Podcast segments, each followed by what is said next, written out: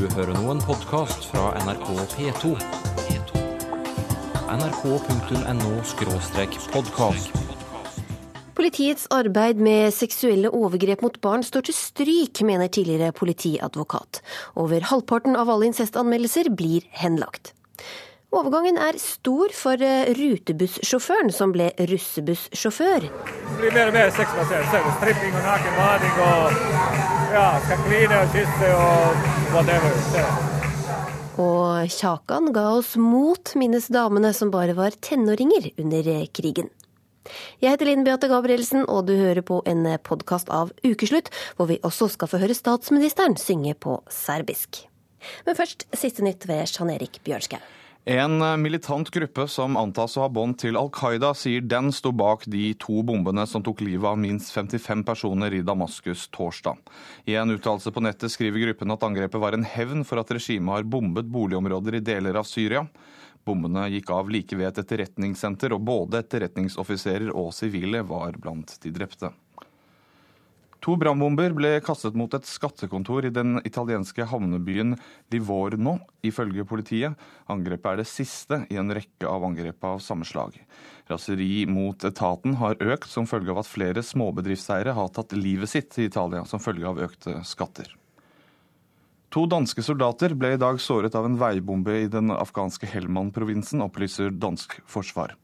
Soldatene deltok på en patrulje sammen med både danske og afghanske soldater da bomben gikk av. Begge ble fraktet med helikopter til et feltsykehus.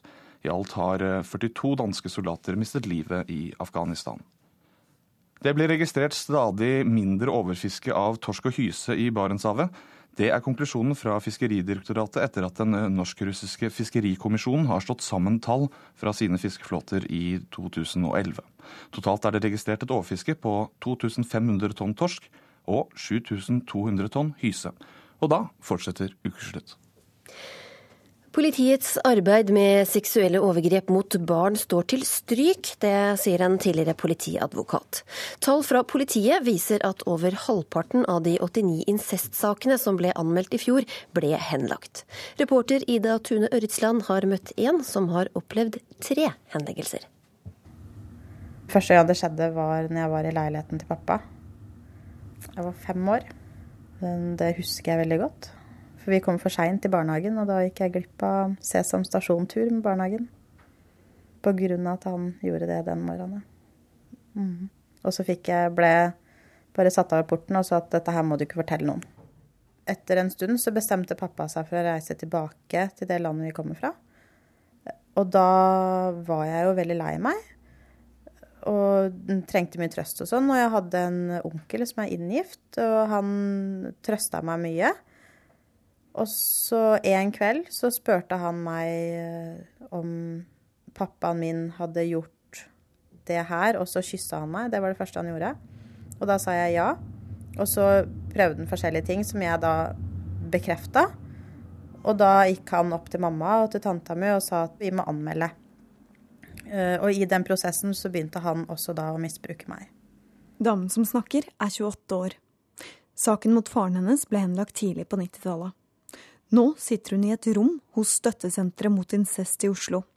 Et rom der de historiene ingen vil høre, blir fortalt. Og så blei jo mamma gift på nytt, og han også gjorde det her, da. Så når, vi, når jeg var hjemme hos mamma di, så blei jeg misbrukt av han. Og så hvis jeg bare besøkte tanta mi, vi hadde et veldig nært forhold, så blei jeg misbrukt der. Gjennom moren til en venn ble stefaren og onkelen også anmeldt. Da etterforskningen var i gang, ble hun sendt til faren sin i utlandet i noen måneder. Da hun kom tilbake, var moren gravid med stefaren. Så, så hun, hun, var veldig sånn Kanskje vi kunne fikse det her, og jeg kunne gå og si at jeg hadde ljugd. Og, og spilte veldig på det med at nå måtte jeg fikse opp dette her. For det var veldig mange som hadde det veldig vondt. Så jeg gikk til politiet og sa at jeg ljugde. De trodde ikke på meg, så de brukte to år på å henlegge saken, men den blei henlagt under meget sterk tvil. Når hun er elleve år, har hun opplevd overgrep fra tre forskjellige familiemedlemmer. Alle tre har blitt anmeldt, og hver gang er saken blitt henlagt. Jeg skjønner, ikke, jeg skjønner egentlig ikke hvordan de får sove om natta. Må tenke på at de avviser så mange saker som de egentlig kanskje veit at her burde vi ha gjort noe. Selv om denne saken er fra 1990-tallet, er det mange barn som lever på akkurat samme måte i dag. Halvparten av de 89 incestsakene som ble anmeldt i fjor, ble henlagt. Mange av disse sakene de blir stemoderlig behandla hos, hos, politiet. Det sier tidligere politiadvokat Sjak Håheim. Det er kompliserte saker, og det er kanskje enkelt for, for mange eh, å tenke seg så at man, man, løser de enkle sakene. Man løser de enkle biljakter og, og, og, eh, og, og naskerier. Og så er de kompliserte, de havner nederst i, i, bunken. Jeg har vel en mistanke om at politiet er mer opptatt av å ha en god statistikk, og politimesteren er mer opptatt av å, å holde budsjettet, enn man er av å løse oppdraget. I dag er HM bistandsadvokat, ofte for barn som har vært utsatt for seksuelle overgrep. Dessverre så, så har jeg eksempler eh, på mitt eget kontor der sager blir liggende, de blir støvende ned. og, og, og eh, det sitter et offer som kanskje har gått over en veldig høy terskel for å anmelde et, et seksuelt overgrep, og så skjer det ingenting hos politiet. Og det er en fullstendig utilfredsstillende situasjon. Nei, for Oslo politis vedkommende så kjenner ikke jeg igjen dette. Det sier leder av seksjon for vold og seksualforbrytelser i Oslo politidistrikt, Hanne Kristin Rode. Jeg har medarbeidere som er svært dedikerte, og som jobber iherdig med å gjøre sitt beste i disse sakene. Eh, og vi kan ikke fravike de krav som stilles til rettssikkerhet også for den anmeldte. Slik at vi er nødt til å være veldig prinsippfaste og bygge beviskjede. Og det er det dessverre veldig sjelden vi greier på en ordentlig måte i forhold til hva vi ønsker. Til syvende og sist, det som skjer på bakken, det er det som avgjør om dette er suksess eller ikke. Og der eh, står innsatsen på mange måter til stryk, slik situasjonen er i dag. I dag har onkelen til den 28 år gamle kvinnen fått et nytt barn, som nå er like gammelt som det hun var da overgrepene startet. Derfor bestemte hun seg for å anmelde onkelen på nytt i fjor. Men politiet rådet henne til å la være. Jeg snakka med politiet, de var veldig hyggelige. Men de var veldig han, Politimannen var veldig klar på at jeg burde ikke anmelde. Og han, han sa ting som at nå har du et flott liv, og du har jo en flott mann og barn, og nå er det på tide å legge dette bak seg. Han ville ikke han ville, han, på det sterkeste fraråde med å anmelde. Og det var veldig trist, fordi jeg følte at på nytt så fikk jeg på en måte beskjed om å ikke anmelde. Min sak er ikke Den er ikke verdt noe, da. På en måte. Tror du, det hadde, tror du det samme hadde skjedd hvis det hadde vært snakk om en annen type forbrytelser som var like alvorlig? Nei, jeg tror ikke de har sagt at du ikke burde anmelde. Av alle de som kom innom forskjellige støttesentre mot incest rundt omkring i landet i fjor, sa 69% at de ikke hadde anmeldt overgrepene. Det er klart at når så få saker eh, kommer opp i rettssystemet, og av de som kommer opp i rettssystemet, så er det fortsatt mange saker som, eh, hvor det ikke fører til en dom, så eh, appellerer det ikke veldig mye til å melde. Det sier leder for Støttesenteret mot incest i Oslo, Kari Engen Sørensen. Så vet vi at de aller, aller fleste sakene da blir, eh, blir henlagt på bevisets stilling. Det er vanskelig å bevise. Tror du flere hadde valgt å anmelde hvis eh, statistikken så litt annerledes ut? Ja, det regner jeg med. Jeg forstår utrolig godt at folk ikke har lyst til å gå gjennom alt dette her forgjeves. For det er faktisk sånn det føles. Du får ikke noe oppreisning. Du får ikke engang 'jeg tror deg'. Og da er det på en måte ikke verdt det. Det er ikke sånn det skal være. Dette her er liv. Og da tenker jeg at, at, at, det, ikke, at det, ikke, blir straffa. Og at det ikke blir prioritert. Det er, det, de, de kan jo ikke skjønne hva det er snakk om. De kan ikke skjønne hvor mye de ødelegger. Astrid Aas Hansen, du er eh, statssekretær i eh, Justisdepartementet. De kan ikke skjønne hvor mye det ødelegger, sier eh, denne kvinnen. Og vel 50% av anmeldelsene henlegges. Er det et tall dere kan leve med? Nei, Jeg er veldig enig med henne når hun sier at det er ikke sånn det skal være. Og denne reportasjen her, der finner jeg mange det er ikke sånn det skal være. Hun som uttalte seg fra Støttesenteret mot incest, eh, sier at bevissituasjonen er vanskelig. Det er den i disse sakene. Og det betyr at eh, alle saker kan ikke gå til domstolene, fordi beviskravet er at man skal være sikker på at det har skjedd overgrep, og at det er den personen som har gjort det.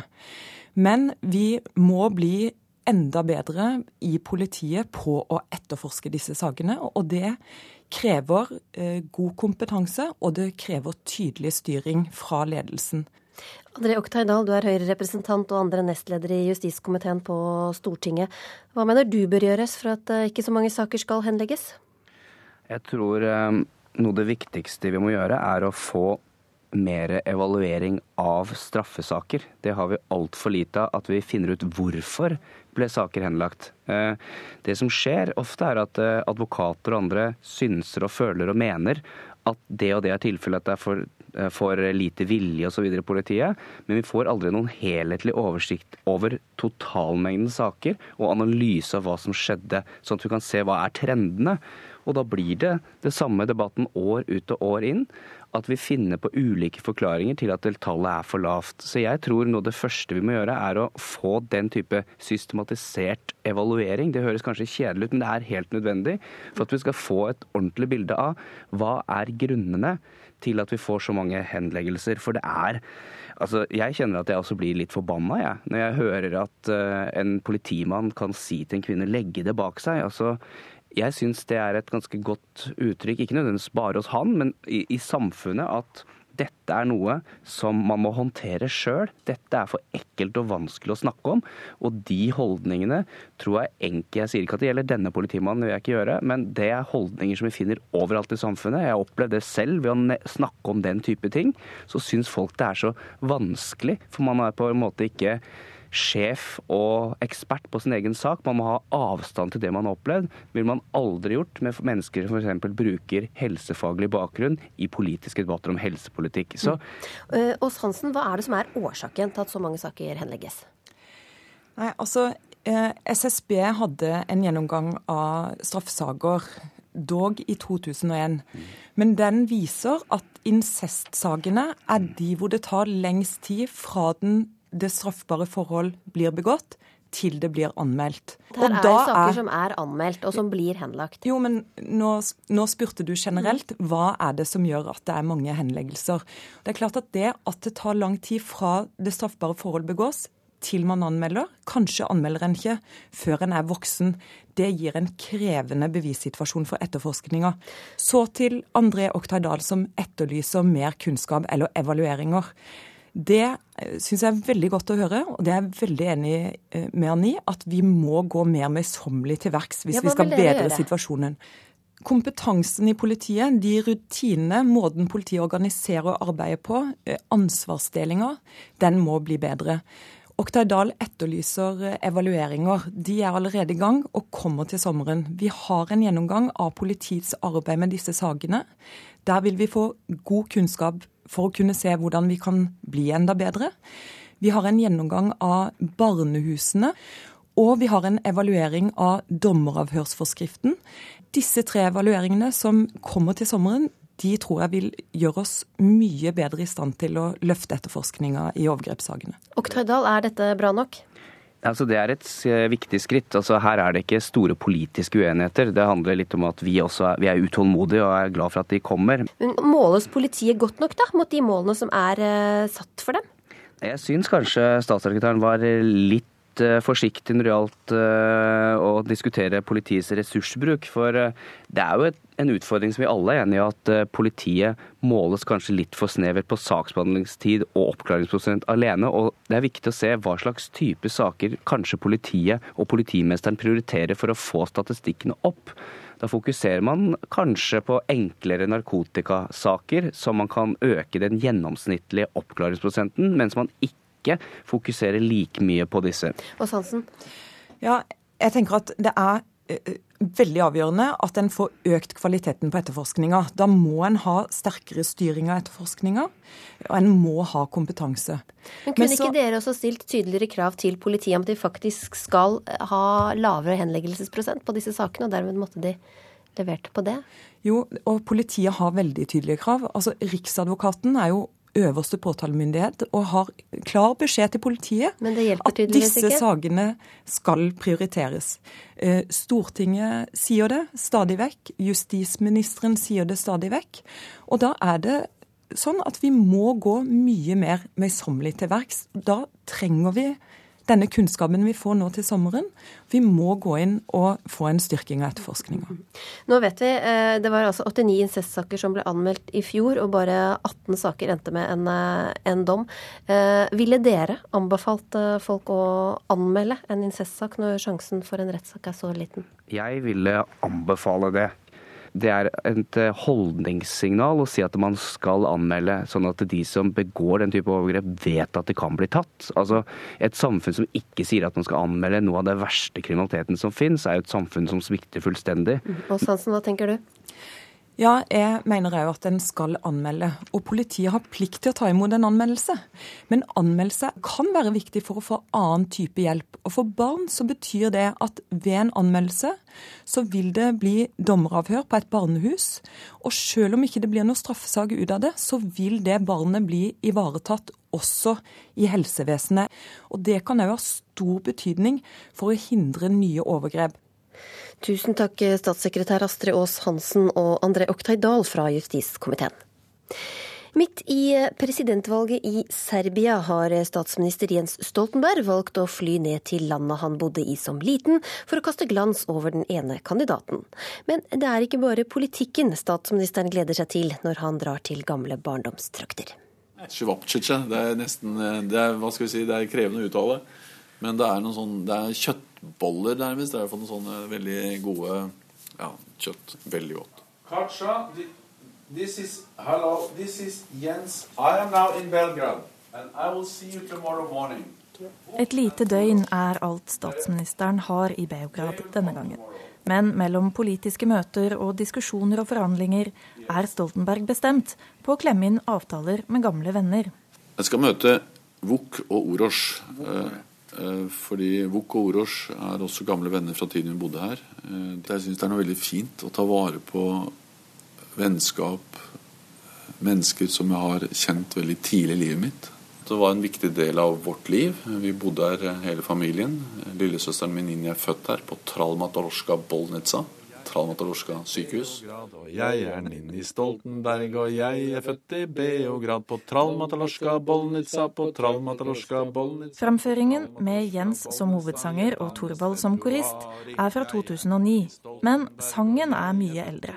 Den laget mor Karin for å underholde barna på lange bilturer. Husker vi kjørte bil ute i kysten om sommeren, og det var jo så dårlige veier. Det var jo ikke asfalt, det var humpete veier. Så vi, det som i dag er en ja, litt lang dagstur med bil, det var, brukte vi to dager på. Så vi sov ute. Barna sov inne i bilen, og Kain og Thorvald sov under bilen. Og da kom det kuer og, og gjetere og masse dyr som sto og så på oss når vi våkna om morgenen. Og så husker jeg at jeg gikk på ski. Jeg er vel en av de ytterst få mennesker i verden som har gått på ski i Beograd. Venner og gode minner har han beholdt fra landet han bodde i fra han var to til han var fem.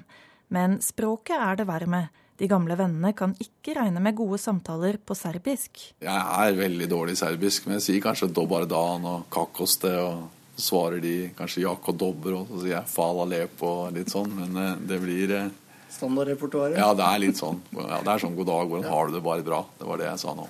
Tusen takk. Reporter i Serbia er David Krikling. Du hørte også Siri Storstein Hytten. Og hva statsministeren egentlig skal gjøre i Serbia, se, det får du høre i Dagsnytt. Sønsteby var jo Norges mest dekorerte soldat fra annen verdenskrig. Men han gjorde jo mye mer enn en det. Han eh, holdt jo foredrag i skoler, mange, mange skoler i Norge etter krigen, for å, for å være lojal mot det alle sa da krigen var slutt, nemlig aldri mer 9. april. Slik mintes kongen en av Norges største krigshelter. Torsdag døde Gunnar Sønsteby, 94 år gammel. På Majorstua bo- og behandlingssenter sitter de som var tenåringer under krigen. De husker krigshelten som det skulle vært i går. Han bodde jo ikke så langt fra Majorstua. Og du vet, det var mange av oss som hadde brødre og, og så videre, og som vi var redde for skulle rote seg bort i noe. Og så ønsket vi det samtidig. Den er dobbelten. Redd for at de blir drept. Eller redd for at det ikke er med å gjøre jobben sin.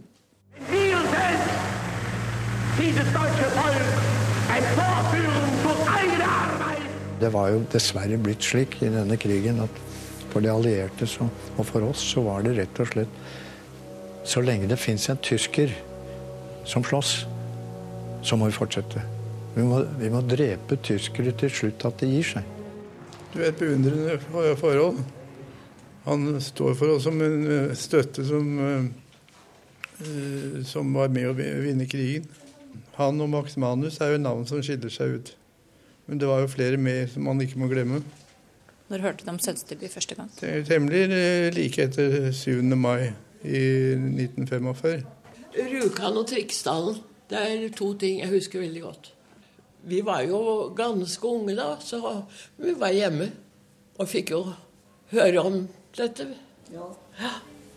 Du var jo 12 år når krigen brøt ut. Ja. Og 17 år når den var ferdig. Ja. Men det som jeg, det jeg hørte i går som også var ganske imponerende, er at han gjorde, kom seg inn i Norges Bank og fikk tatt ut eh, seddel. Trykket? Ja. Døden, vet du. Den Så er det- ganske god. Ja. Hva, hvordan frider du? Jeg vil gjerne gifte deg med deg. Og du må si ja. Og- Og så må du fortelle hva du sier til Gunnar hver dag. Tør jeg si det, da? Ja, det må du si. Det er mange som har godt av å høre. Jeg elsker deg. Og så humrer han. Han var da en ganske kjekk eh, mann. Jo da, han er vi han. Og når du visste hva han gjorde for noe, så vidt så ble han jo finere og finere, vet du. Var det ikke en høyst alminnelig mann da, som kunne forsvinne inn i enhver menneskemengde? Var ikke det han levde på? Jo. Vanlig. Ikke noe Gregory Beckoveren, syns jeg. Hvis du vet hvem det var. Det hadde vært umulig, det. Men en helt var han jo. Ja, det var han, men det er jo noe annet enn å se ut. Han så ikke ut som noe helt. Nei, men bør nå se ut det, da. Var Nei da, men helt Alt var han gjorde. Så du Gunnar Sønsteby noen gang? Å ja. Men det å være uten at de visste var han. Fordi at eh, alle disse mystiske fyrene som min bror hadde kontakt med, vi så på dem som røvere, vet du. Men jeg snakket ikke med ham. Når skjønte du at det var han? Det var gjennom de, de bak hun sa det, det der er Kakan. Kakan, sa jeg. Du Sønsteby? Ja, sa han. Så da hadde jeg aldri oppdaget det. Men altså, alle sabotasjene han gjorde, det gjorde at vi fikk mot og ventet på frigjøringen. Under krigen. Men da visste vi jo ikke at det var han som gjorde det. Men alle disse sabotasjene gjorde jo at vi så fram og var sikre på at vi ville vinne. Uansett hvor mange som døde og mange som triste saker var, så var det jo for verden en gledessak. Det var tusener på tusener som nå slapp djevelskapen som nazistene hadde påført Europa. eh, Verden. Vi hørte utdrag fra dokumentaren 'Ansikt til ansikt' med Morten Krogvold, og reporter var Elisabeth Onsum. Du hører på en podkast av Ukeslutt, og den neste halve timen står følgende på tapetet. Ingen bør tjene mer enn 1,5 millioner kroner, mener partiet Rødt. Dette nærmer seg tyveri, svarer Høyre. KrFU-leder fikk hatbrev fra partifeller da hun sto fram som lesbisk. Og han gikk fra å kjøre damer i rullator til å kjøre 25 nakne jenter i russebuss. Møt 40 år gamle Dragan litt senere i Ukeslutt. Det er Olav Thon som ringer. Høye lønninger. Og da mener jeg virkelig disse eh, unormalt høye lønninger på 10 millioner og høyere eh, har aldri ført til noen ekstra innsats. Tvert imot så blir gjerne da de opptatt med så mye personlige eh, engasjementer at eh, fokus på deres virkelige stilling Eh, kommer i Amerika. Det var det jeg kunne si. Denne beskjeden la den nøkterne eiendomskongen Olav Thon inn på ukeslutts telefonsvarer, etter at partiet Rødt gikk ut og sa at ingen bør tjene mer enn 1,5 millioner kroner. Reporter Siri Storstein Hytten dro til pengetrillernes store rekrutteringsanstalt BI i Oslo for å høre hva studentene der mener om forslaget. Man kan ikke ha noe makslønn. Man kan ikke ha begrensninger sånne, når det gjelder sånne ting. Det er kanskje det er et veldig spesielt forslag, da. Jeg tror kanskje ikke det er så veldig populært mottatt, egentlig. Bjørnar eh, Moxnes, nyvalgt leder av partiet Rødt, som jo jobber for å avskaffe kapitalismen. Hvorfor skal det ikke være lov å tjene over 1,5 millioner kroner?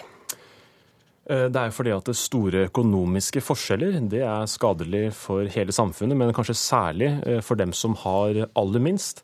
Vi ser at i land som har store forskjeller, så er det, er det høyere spedbarnsdødelighet, det er lavere gjennomsnittlig levealder, og det er også mindre tillit og mer kriminalitet. Så store forskjeller det er, er en dårlig ting, og vi ønsker å redusere forskjellene. Og så er det sånn at halvannen million kroner det er jo ikke lommerusk, altså. Det er fire ganger lønna til en hjelpepleier. Og det er ganske få i Norge som gjør en jobb som egentlig er fire ganger viktigere enn det å ta vare på våre pleietrengende eldre. Så med halvannen million kroner, da har du til, til, salt i grøten. Du kan leve ganske godt. De aller fleste i Norge lever på mye mindre og jobber ja, ganske hardt for det. Hvor mye lommerusk er det en leder av Rødt tjener? Ja, jeg, jeg, lever jo da høyt på ca. 370 000 i året. Det er vel halvparten av en stortingsrepresentant, og det eh, går ganske, ganske greit, det, altså. Men mm. poenget vårt er at vi trenger, vi trenger tiltak for å få ned forskjellen i Norge. Vi har, vi har fått en, en, forskjellseksplosjon de siste årene i Norge. Så vi må få ned forskjellen, og da er det å, å gå løs på topp, toppinntektene viktig for det. Torbjørn Røe Isaksen, stortingsrepresentant fra partiet som de rike og de som vil bli rike stemmer på, Høyre. Hvem har godt av å tjene mer enn 1,5 millioner kroner? For å si det, så, så, har Høyre nå 32% oppslutning, så jeg tror det er enda flere enn det også. Blant annet så er vi jo like, like store som venstresida blant LO-medlemmer, så det er sagt. Nei, altså 1,5 millioner er masse penger, det. Men jeg syns ikke at politikerne skal sitte og vedta hvor mye det skal være lov å tjene. Og det er to grunner til det, egentlig. Det første grunnen det er at det er prinsipielt så er det jo sånn at det er jo borgernes penger. Enten man tjener mye eller lite, så er det ikke statens penger i utgangspunktet. Det vi har med oss. Men det andre er at dette forslaget kommer jo til å sikre én ting, nemlig at absolutt alle alle blir fattigere. Og jeg tenkte et eksempel. Hvis du er da en som har mye penger og har lyst til å investere i det å skape nye arbeidsplasser i Norge, 100 millioner kroner f.eks. Hvorfor skal du gjøre det hvis du uansett ikke kan tjene mer enn 1,5 million? Det kommer til å føre til investorflukt, investeringstørke. Folk som har litt penger, kommer jo garantert til å flytte ut av landet. Kanskje ta en del arbeidsplasser med seg også. Og alle kommer til å bli fattigere av det.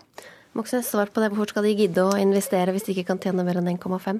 Vi kan jo eh, ikke aldri eh, som land eh, konkurrere med de landene som har det aller beste mulighetene for investoren, sånn som type Cayman Islands, hvor det nesten ikke er noe som helst skatt. Men selv om Norge både historisk og i dag har et forholdsvis høyt skattenivå, så investeres det allikevel i industri i Norge. Vi kan ikke la, etter mitt syn, investorene ta skattepolitikken som gissel og si at hvis ikke vi får så og så mye, ja, da stikker vi av. I tillegg så retter forslaget seg mot, eh, mot personlige skattytere. Dvs. Si at eh, det, handler om hva du tar ut da, eh, i eventuelt utbytte fra, fra selskapet eller i inntekt. I fjor så var det sånn at, De 1000 rikeste forretningsadvokatene i Norge de tjente altså 4,5 million kroner i snitt. Det er til sammen 4,5 milliard kroner. Mens de som står på og virkelig sliter og jobber her i Norge, i helsevesenet, eh, i industrien, i kassa på Rimi, de tjener altså fem ganger mindre. Så vi trenger tiltak for å få ned forskjellene, for å hente inn penger til, også til fellesskapet. Men jeg tror ikke det er så vanskelig. Altså, jeg, tror, jeg, jeg, er helt enig, bare for å si det, så har da forskjellene i Norge økt de siste 15-20 åra. Samtidig så har også levestandarden i Norge økt, så det er ikke noe automatisk sammenheng der. Og jeg er helt enig at 1,5 millioner er veldig veldig mye penger. Men, men, vi diskuterer jo ikke her hvorvidt man skal ha liksom en, en, progressiv skatt som vi har i Norge i dag, hvor du betaler litt mer hvis du tjener litt mer. Vi diskuterer at enhver inntekt over en halvannen million skal konfiskeres av statskassa. Det betyr at hvis du f.eks. si du starter et IT-foretak, da, bra, går kjempebra. Så har du lyst til å investere noen flere penger og starte en ny bedrift. Uansett hvor bra den går. Du starter 100 arbeidsplasser, 300 arbeidsplasser. Uansett så får du ikke tjene mer enn 1,5 millioner. Og det er klart at Da er- kommer folk til å flykte ut av landet. Ingen kommer til å investere, eller veldig få kommer til å investere. Eh, Folk kommer til å bruke pengene sine andre steder. Og dette er jo et, dette er jo et forslag fra et kommunistisk parti. Og det er jo en grunn til at kommunismen ikke fungerte. Det er nettopp pga. forslag som dette er. For I praksis så blei det jo ikke jubel og gode tider av kommunismen. Det blei større fattigdom for alle. Jeg registrerer at, eh, at eh, både altså Olaf Thon støtter forslaget om makslønn, Kåre Willoch gjør det, Melanchon eh, i du hva, Frankrike gjør det, og et øyeblikk bare, og, og også Franks nye president, Francois Hollande, er for en variant av Du, makslønn. Men du frykter ikke en slunknere statskasse da, med dette forslaget? Jeg tror at veldig mange av de som, de som har stemt på de rød-grønne i Norge, som har stemt på Arbeiderpartiet og SV, de ønsker et samfunn med mindre forskjell mellom fattig og rik. Og så ser vi at det går i stikk omvendt retning. At de rike drar fra resten av oss, og de drar fra veldig fort fra resten av, av samfunnet. Da trenger vi en politikk som reduserer forskjellene, ikke som øker dem. Og det er ikke noe problem i dag eh, med at de rikeste ikke har nok, nok å disponere. Problemet er at, de, at vanlige folk får mindre av kaka. Da trenger vi tiltak for å redusere forskjellene. Nivået, nivået kan vi diskutere, naturligvis, med, med Arbeiderpartiet SV. Jeg tror, du, jeg tror du burde trygle om at ikke jeg gir telefonnummeret ditt til Kåre Willoch. eh, For da kommer han til å ringe deg opp og så kommer han til å fortelle at Kåre Willoch har aldri vært enig i at enhver inntekt over 1,5 millioner skal maksen. Konfiskeres hvert fall, av hørte vi her da si Skal at konfiskeres av mye staten. penger aldri har ført til noen Nei, ekstra det- men- inntekt. Er det bare penger som Jo, men- motiverer? Nei, det er masse annet også. Jeg kan godt være enig i at eh, jeg tror også det er et problem f.eks. med altfor høye lederlønninger. Det kan være problematisk. Men jeg tror at eh, det å ha en konfi konfiskeringspolitikk hvor enhver inntekt, eller utbytte da, over 1,5 millioner, uansett hvor mye du skaper, uansett hvor mye du har investert, det vil ødelegge veldig mye for Norge, gjøre alle fattigere. Og Men bør bare det, bør det være en maksgrense da, et eller annet sted? Nei, nei, jeg syns egentlig ikke det. Det jeg syns vi burde ha, er et skattesystem som gjør at alle bidrar til felleskassa, og sånn at du har velferdsordninger. Og det viktigste, liksom paradokset her, det er jo at du kan godt liksom jage ut alle milliardærene av Norge eh, og sørge for å sende dem til et eller annet annet land, men det er jo ikke ett eneste barn som får det bedre i Norge av at vi får færre milliardærer. Skolen er, blir ikke eh, bedre av det. er, Helsevesenet blir ikke bedre. Køene for rusomsorgen i Norge blir heller ikke bedre. Moxnes skal få svare. Jeg ville vært bekymra hvis eh, Høyre var for forslag som reduserte forskjellen mellom fattig og rik, eh, men det, det er helt greit at det ikke det er. Det som bekymrer er- meg, det som, er bekymrer det som jeg er mer bekymret for, er at, eh, at vi har en rød-grønn regjering som ikke klarer å redusere forskjellene mellom de som har aller mest, og de som har, har minst i Norge i dag. Dette er et forslag for å få en debatt eh, i gang om, om de økende forskjellene i Norge. Vi kan godt diskutere nivået, naturligvis, med både Ap og SV, men vi trenger til som er effektive for å få ned eh, forskjellen mellom fattig og rik i Norge. Og debatten, at, eh, det har du fått eh, i gang. Vi må si takk til eh, dere nå, Bjørnar Moxnes, leder i Rødt, og Torbjørn Røe Isaksen, medlem i Stortingets arbeids- og sosialkomité. Det har vært eh, nok en tøff uke i retten. For eh, første gang ble den beherskede roen i rettssal 250 brutt da en eh, pårørende kastet en sko mot gjerningsmannen. Utøya-overlevende Torunn Kanutte Husvik har sittet i rettssalen og hørt obduksjonsrapportene om vennene som ble drept den 22. juli. Denne uka har jo vært veldig spesiell. Denne vekslinga mellom eh, obduksjonsrapporter og, og sterke vitneforklaringer. Du blander litt mellom å, å føle en veldig sorg, tenke mye på dem som gikk bort, eh, tenke mye på de foreldrene og søsknene som er i rettssalen og, og som eh, leter etter svar, og det å føle en voldsom stolthet for venner og ungdommer som du har eh, møtt i forskjellige sammenhenger, som eh, står med rak rygg og forklarer noen av de verste timene i livet sitt. Eh, Det, en, det har vært en veldig tosidig uke sånn sett. En av bieffektene med de her ti ukene er at jeg følger mindre med på nyhetene. Det det er rett og slett Det blir for mye. Men samtidig så ser du at det er kanskje noe av det viktigste som, som går gjennom lydmuren, som jeg får med meg likevel. Jeg syns det var flott i dag å se at forsidene er rydda til, til å hedre Kjakan, ikke til å skrive hva gjerningsmannen i denne saken sitt siste lille vink var. Jeg syns eh, det er bra at toppsakene på nettavisene i dag har dreid seg om en fantastisk idrettsmann som beklageligvis gikk bort så altfor tidlig. At debatten i går handla om, om uh, tigging. Om hvordan vi også kan hjelpe noen av de fattigste i Europa. Og det er jo litt sånn at sjøl om, uh, selv om det her kommer til å være en del av livet mitt hele veien framover, så, så er jeg opptatt av at det ikke skal være livet mitt. At det var mye mer som er viktig, at det er mye mer som opptar meg. Det syns jeg er bra å se at Medie-Norge går videre, at samfunnet går videre, at snakkisene i samfunnet går videre. Det tror jeg også hjelper oss eh, videre. Hele Norge fikk bakoversveis tidligere i uka da KrF annonserte at partiet vurderer å åpne for at homofile skal kunne gifte seg borgerlig. Det gikk ikke mange timene før de presiserte og sa at ekteskapsbetegnelsen bare skulle være for heterofile, og at trossamfunn kunne reservere seg mot å vie homofile. Hanne Marie Pedersen Eriksen, du er eh, leder i KrFU i eh, Buskerud og studerer teologi på Menighetsfakultetet, og du er lesbisk. Og du opplevde å få hatbrev fra partimedlemmer da du sto fram som eh, homofil for et par år siden? Ja, det har jeg fått. Og det har vært både i KrF-sammenheng av andre som er med i partiet eller i partipolitikken, og det har vært fra andre mennesker som har et annet teologisk syn enn meg. Hva sto det i de brevene? Nei, det, my, det, går mye det samme om at man skal brenne i helvete fordi man lever i synd og sånne ting. Hvordan reagerte du da på å få sånne brev? Jeg var veldig forberedt på at det kom til å komme noe. Eh, som ungdomspolitiker så er man en offentlig person. Eh, og jeg, i hvert fall når det gjelder homofile og partiet KrF, da, eller meg som kristen, i et kristent studiemiljø og i kristen menighet, så visste jeg at det ville komme noe. Og jeg var veldig forberedt, og det gikk ikke så veldig inn på meg. Hva gjorde du med brevene, da? Eller hva har du gjort De har jeg enten gitt bort, eller så har, eh, har jeg fått hjelp til å kaste dem. Rett og slett. Det er ikke verdt å ta vare på. Hjelp til å kaste dem? Ja, man, jeg merket særlig i starten at jeg ble litt sånn der, jeg tok det jo inn på meg. Jeg hadde jo vært gjennom denne prosessen med å finne ut om er dette synd eller ikke. Eh, og i starten trengte jeg litt hjelp til liksom, noen måtte si at du, nå går vi opp og kaster disse brevene. Ikke grunn noe mer på det. Du fikk jo Heller ikke landsmøtedelegasjonsplass i 2011. Det er vanlig da for eh, KrFU-ledere, som jeg har forstått, og KrFU sentralt måtte på en måte ordne det. Mm. Og du har selv uttalt at det var eh, pga. din legning. Mm. Hvorfor tror du det?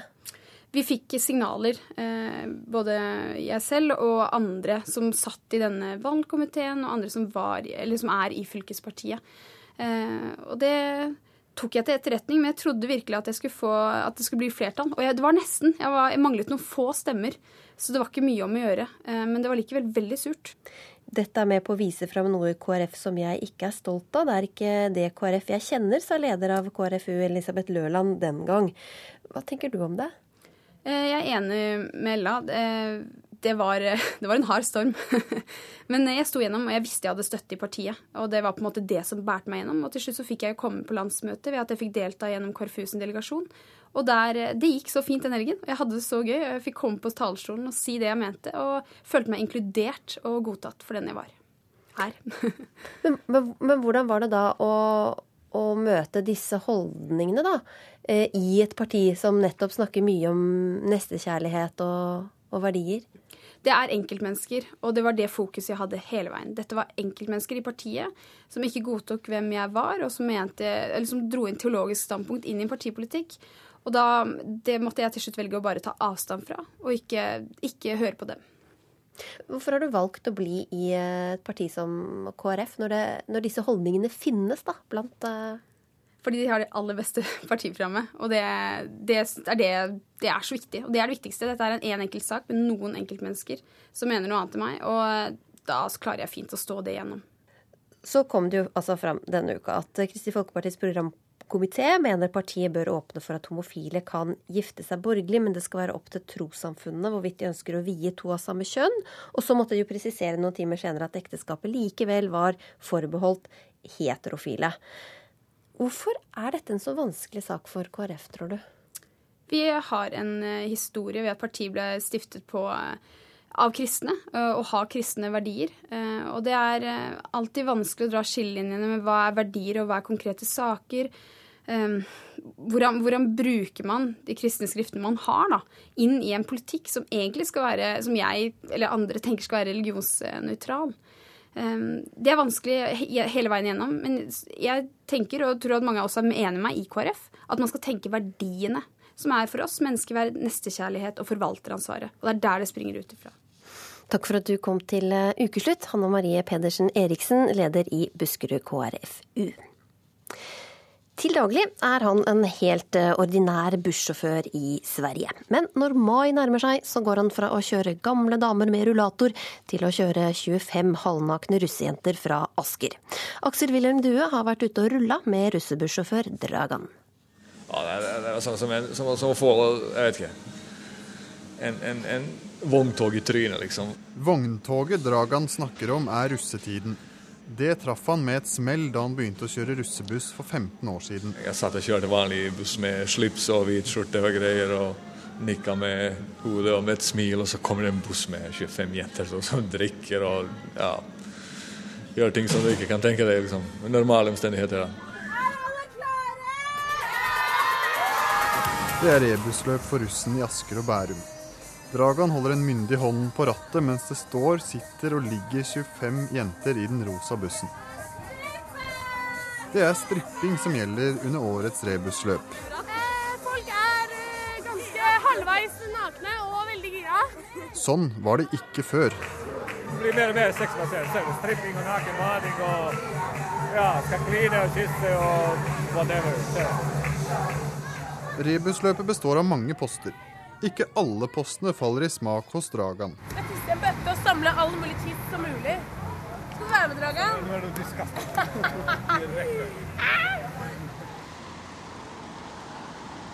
Vi hopper en dag fram i tid. En veldig svart kaffe står på bordet foran Dragan. Altså, du, du må ha nerver av stål, for det første. For det er så mye gnell og mas opp det, så du har ingen aning. Russebussjåføren har passert 40, og for hver vår han kjører norske russ, blir håret enda litt gråere.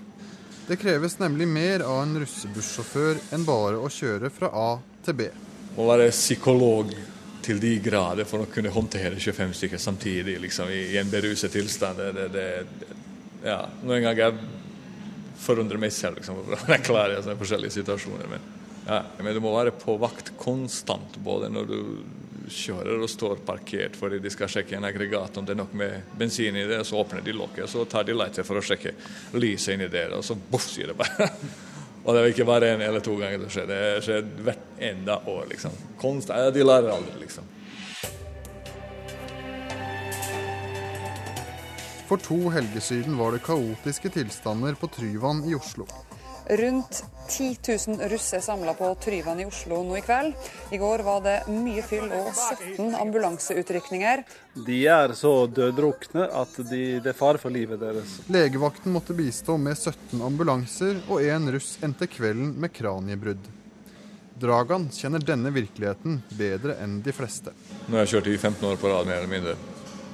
Så ja, tror jeg har sett det meste. Spesielt de første årene da det var lite lite organisering i det hele opplegget. Det var så mye slåssing og knivstikking og narkotikasalg som du så der. Det var ingen, ingen politi på den tiden. Det var ingen sånne gjerder, det var ingen sikkerhet, kunne være. inngangsbilletter eller parkeringer. Det var bare å komme seg opp og stå oppi der og bråke. Ja, det var ganske sånn ja, Vill Vest. Men eh, ser vi deg i kjørende russebuss neste år? ja, det er evige spørsmålet. Ja, mest sannsynlig jeg kommer til å si nei, men uh, om du kommer i april eller mai måned neste år borti Kadetangen, så står jeg der mest sannsynlig med en buss. Du har hørt en podkast av Ukeslutt, og ansvarlig for sendinga var Elisabeth Onsum. Teknisk ansvarlig var Eli Kyrkjebø, og i studio Linn Beate Gabrielsen.